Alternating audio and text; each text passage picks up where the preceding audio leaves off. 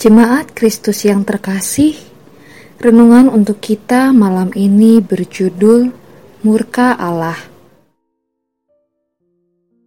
Dan bacaan kita diambil dari Yeremia 13 ayat 12 hingga ayat 19. Begini firman Tuhan.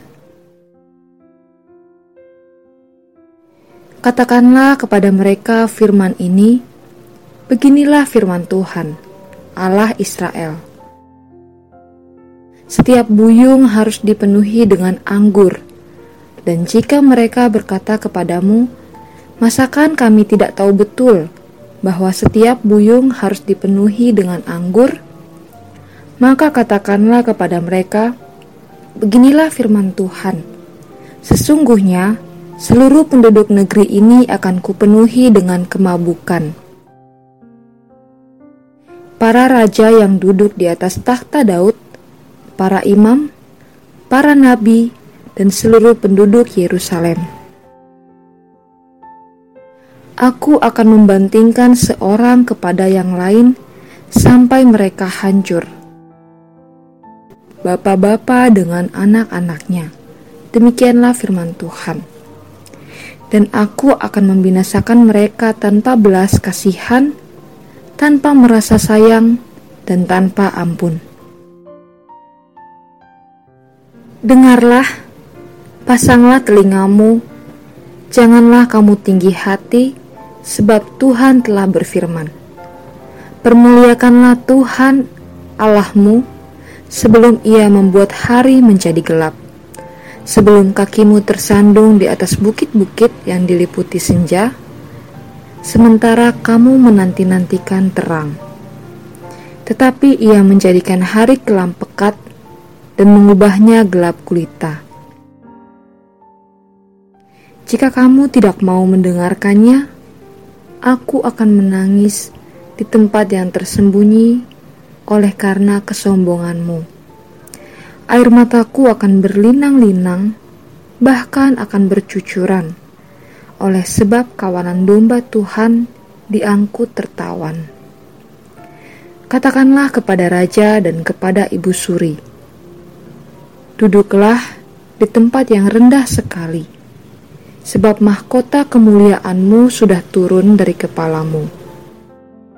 Kota-kota tanah Negeb sudah ditutup gerbangnya, dan tidak ada seorang pun yang membukanya segenap Yehuda sudah diangkut ke dalam pembuangan, diangkut ke dalam pembuangan seluruhnya.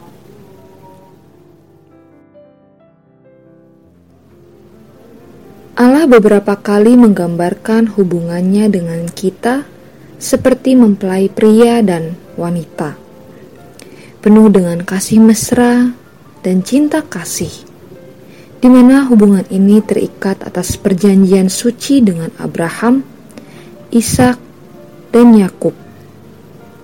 Sama dengan kita yang telah melangsungkan pernikahan, diikat oleh perjanjian suci dengan Allah Bapa.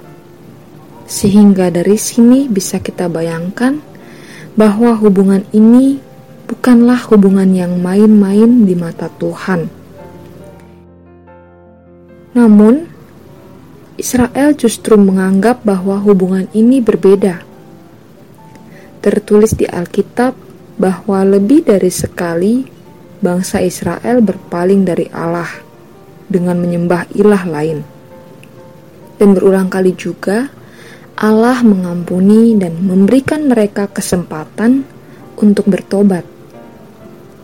Namun, bukan hanya mereka mengabaikan perintah Allah mereka juga melakukan pemberontakan terhadap Allah. Dan hal ini jelas memicu kemarahan Allah.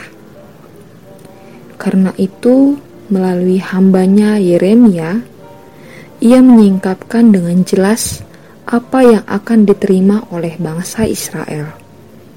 Bahwa mereka akan ditawan, ditawan dalam pembuangan oleh kerajaan Babilonia.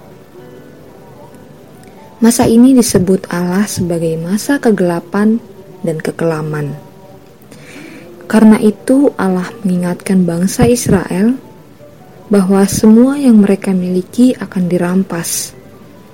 Tanah mereka akan diduduki oleh bangsa asing, dan mereka sendiri akan tercerai berai sebagai tawanan dan budak dari bangsa lain.